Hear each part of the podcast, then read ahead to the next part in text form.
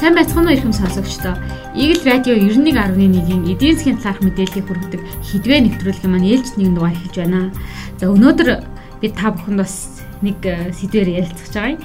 Энэ бол Дэлхийн эдийн засгийн форумын талаар ярилцахаар болсон. Тэгэхээр Швейцарын Давос хотноо өнгөрсөн 7 хоногт бол дэлхийн эдийн засгийн хамгийн том чуулган а одоо Давосын чуулган боллоо. Тэгэхээр энэ чуулган бол бас их чухал ач холбогдолтой. Тэгээд энэ чуулганы талаар талаас гадна ерөнхийдөө бас энэ дэлхийн эдийн засгийн нөхцөл байдлын талаар сонсогч та бүхэнд бас мэдээллийг хүргэе гэж бодсон. Тэгэхээр ер нь дэлхийн удирдагчид ялангуяа санхүүгийн, эдийн засгийн за мөн одоо бизнесийн төлөөллөлүүд швейцарчуулж бас энэ хоорондоо ярилцдаг. Тэгээд чуулган гэхээр зарим талаас бас одоо эсэргүүцэх хүмүүс байдаг, үр дүнгүй байдаг. Очоод нэг чуулж байгаа л худлаа баахан ярьж байгаа төрөд ирдэг ч гэдэг юм тийм ээ.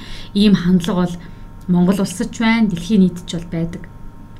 За гэхдээ өнөөдөр бас ингээд улс орнуудын харилцааг харангуут бас ийм хагарлын шинжтэй за сөргөлдөн ихтэй ийм байгаа нөхцөлд бас ингээд дэлхийн удирдагчид дэлхийн улс орнуудын төлөөллүүд ингээд нэг ширээний ард суух нэг одоо зааланд цуглаад уулзаж ярилцах энэ боломжууд бас хэрэгтэй. Тэр утгаараа ч гэсэн чуулгануудын бас эрэлт хэрэгцээ сүйрээд өсөж байна. За энэ хүрээнд бас яг энэ дэлхийн эдийн засгийн чуулган боллоо. Тэгээд энэ чуулган их олон улсын оролцогчид оролцлоо. Оролцогчдын тоо бол өслөө. Тэгэхээр дэлхийн улс орнууд, Америк, Англи гэдэг энэ бүх дэлхийн улс орнууд ингээд ялангуяа энэ бизнесийн салбарынх нь, эдийн засгийн салбарынх нь ингэж чуулах, уулзах юм хэрэгцээ шаардлага бас байна. Энэ төрлийн чуулгануудын бас одоо ач холбогдол гэдэг юм уу байдаг юм байна гэдэг нь энэ чуулганаас харагдлаа. За энэ чуулганы үеэр бас яг энэ дэлхийн эдийн засгийн одоо чуулган гэдэг энэ байгууллагын зүгээс бас улс орнуудын эрсдлийг танилцуулсан. За энэ эрсдлийг танилцуулаад зүгт бол улс орон бүрээр нь ер нь ямар эрсдлүүд улс орнууд хүлээж байгаа юм бэ гэдгийг танилцуулсан. За үүнд Монгол улсын ч гэсэн эрсдлийг бас танилцуулж байна. Тэгэхээр ер нь ойрын 2 жилийн хугацаанд бидэнд хамаатай ямар эрсдэл байгаа юм бэ? Гэдэг аваад үзэх юм бол хамгийн том эрсдлэр бол өрийн эрсдлийг бол дэлхийн эдийн засгийн чуулган байгууллагаас нэрлсэн байсан. За мөн байгаль орчны дөрөөтлийн асуудлыг, гео эдийн засгийн сөргөлдөөний асуудлыг, ажилгүйдэл амжиргааны төвшний асуудал хүндрэх нэ. За мөн одоо геополитикийн шинжтэй бас хоорондын мөргөлдөөний гэсэн ийм таван эрсдэл бол ойрын 2 жилд Монгол улсад тулгарх хамгийн том таван эрсдлэр бол нэрлсэн байсан. Тэгэхээр энэ үр төлбөр, үр зээлийн асуудал яах аргагүй Монгол улсын их чухал сэдэв болж хуурч байна. За 2022 оны 3 дугаар улирлын байдлаар Монгол улсын гадаад үрийн хэмжээ бол нийтдээ 32.4 тэрбум Америк доллараар хэмжигдэж байна. Энэ бол 10 жилийн өмнөхтэй харьцуулангууд бол 2.8 дахин өссөн үзүүлэлт болж байна. За хэдийгээр төр засгийн бодлого торгуулагчдын зүгээс байнга өрийг буурууллаа одоо үр таахгүй ч гэдэг юм уу тийм ээ өрийн дарамтыг буурууллаа гэж ярьдаг боловч яг үүндээ Монгол улсын гадаад үр засгийн газрын өрчтөр хувийн хэмжлэлийн өрчтөр за мөн төв банкны өрчтөр өндөр хэвээрээ байна гэж харж бол болохоор байна. За дэлхийн эдийн засгийн чуулганаар бол энэ өрөө одоо эрсдлийн асуудлыг ярилцсан. За мөн үүнээс гадна бас бусад дэлхийн эдийн засгт тулгараад байгаа асуудлуудыг ярилцсан.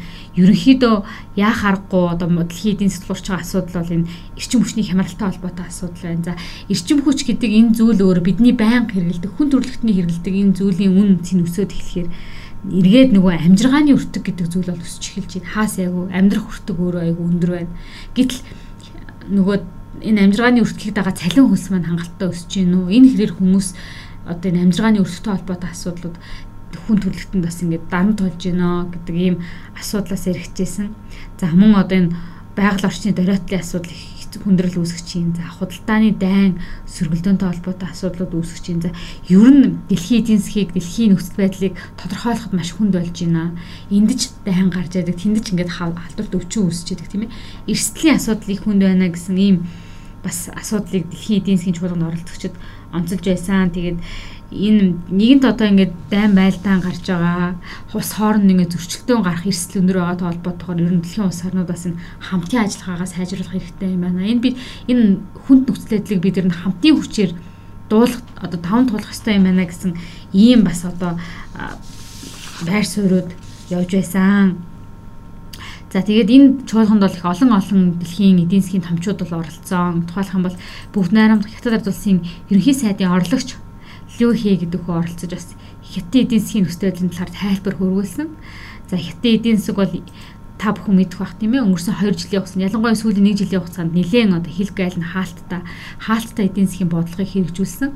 За эргээд одоо энэ оноос эхлээд нийт нээж байгаа. За үүнтэй холбоотойгоор ерөнхийдөө бас хятад улсад эдийн засгаа цаашдаа дэмжнэ гэсэн ийм одоо байр суурийг илэрхийлсэн. За мөн эдийн засгийн өсөлтөө бол цар тахлаас өмнөх үеийн түвшинд нь хүргэн гэсэн ийм мэдээллүүдийг бол хэлжсэн. За мөн одоо гадаадын шүд хөрөнгө оруулалтыг дэмжих, дотоод эдийн засгийн өсөлтөө дотоодын эрэлтээ дэмжих энэ асуудлыг бол цаашдаа шийднэ гэсэн ийм байр суурийг илэрхийлж байсан.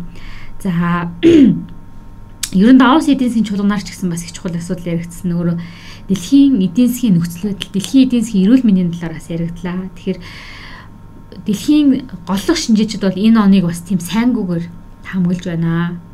Хүндрэл болно гэсэн юм таамгийг бол дэвшүүлж байна. Энэ онд ч яригч байсан энэ хүндрлийн тухай асуудал өнгөрсөн онд ч гэсэн бас яригдж байсан. Тэгэхээр олон улсын валютын сангийн тэргүүн Кристалина Георгагийн хувьд Георговигийн хувьд гэх юм бол Ер нь бол 2023 он бол 2022 оноос илүү хүнд жил болно. Дэлхийн эдийн засгийн хувьд гэсэн юм таамгийг бол дэвшүүлсэн. Яагаад ийм хүндрэлтэй нөхцөл байдал үүсэт байна вэ? Энийг одоо яагаад энэ хүндрэл гэж үздэг вэ? Өн дэлхийн эдийн засгийг харангууд чинь нөгөө цар тахлаад авцсан. За мөн одоо Орос Украины дайн ингээ үргэлжлээ явж байгаа энэ дайны нөхцөл байдал дэлхий бас ингээ дасан зохицож байгаа гэдэг утгаараа нь өсмөр. Гэтэл яагаад ийм хүндрлийн тухай асуудал яригадад байна вэ гэдэг дээр бол шинжээчд бас янз бүрийн байр суурийг илэрхийлж байна. За хатагта Кристалиныг өвдөх юм бол гол эдийн засгуудын нөхцөл байдал хүнд байна. Америк одоо хүртэл ингээд эдийн засгийнхаа гол асуудлыг шийдэж чадаагүй. Хятадын эдийн засаг хүнд байна. Европ ингээд хүнд байгаа учраас өөрөө дэлхийн эдийн засаг саарна гэсэн юм таамгийг бод дэвшүүлж байна.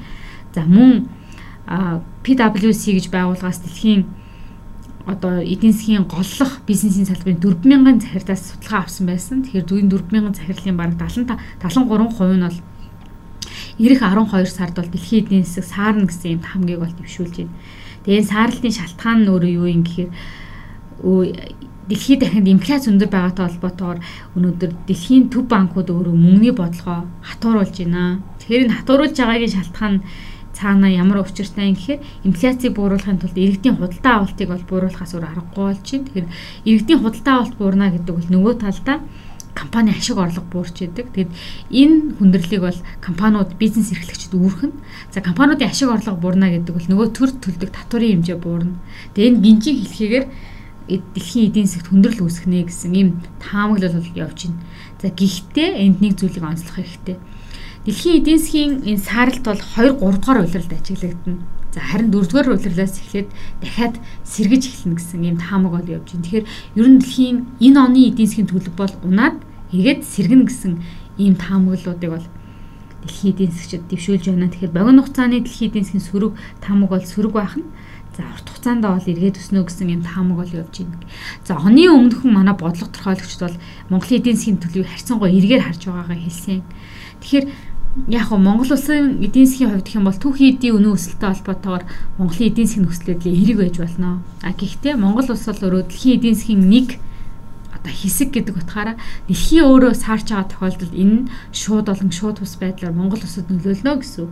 За ингээд аваад үзэх юм бол яг хуу түүхий эдийн орлого талдаа бол бидний нөхцөл байдлыг эрэг байж болох ч гэсэн бусад асуудал дээр бас юм сөрөг байх боломжтой. Тэгэхээр бид нэр өснөө өснөө гэд ингээд маш их эрэг таамаг дэвшүүлээд энэ эрсдлийг харахгүйгээр өнгөрч болохгүй байх нэ. Хаа хаанаа ч гэсэн энэ асуудлыг шийдэх юм шаардлага бас байна гэдгийг манай дэлхийн эдийн засгийн нөхцөл байдал харуулж байна. За ерөнхийдөө макро эдийн засгийн төвшөнд бол бас дэлхийн эдийн засаг маань эрсдэлтэй саарах юм нөхцөл байдлаас хүлээж байна гэдэг ийм ерөнхий дүгнэлтийг бол хийж болохоор байна. За ингээд дэлхийн эдийн засгийн холбоотой мэдээллийг сонсогч та бүхэнд хүргэлээ. Бидэнтэй хамт байсан баярлалаа.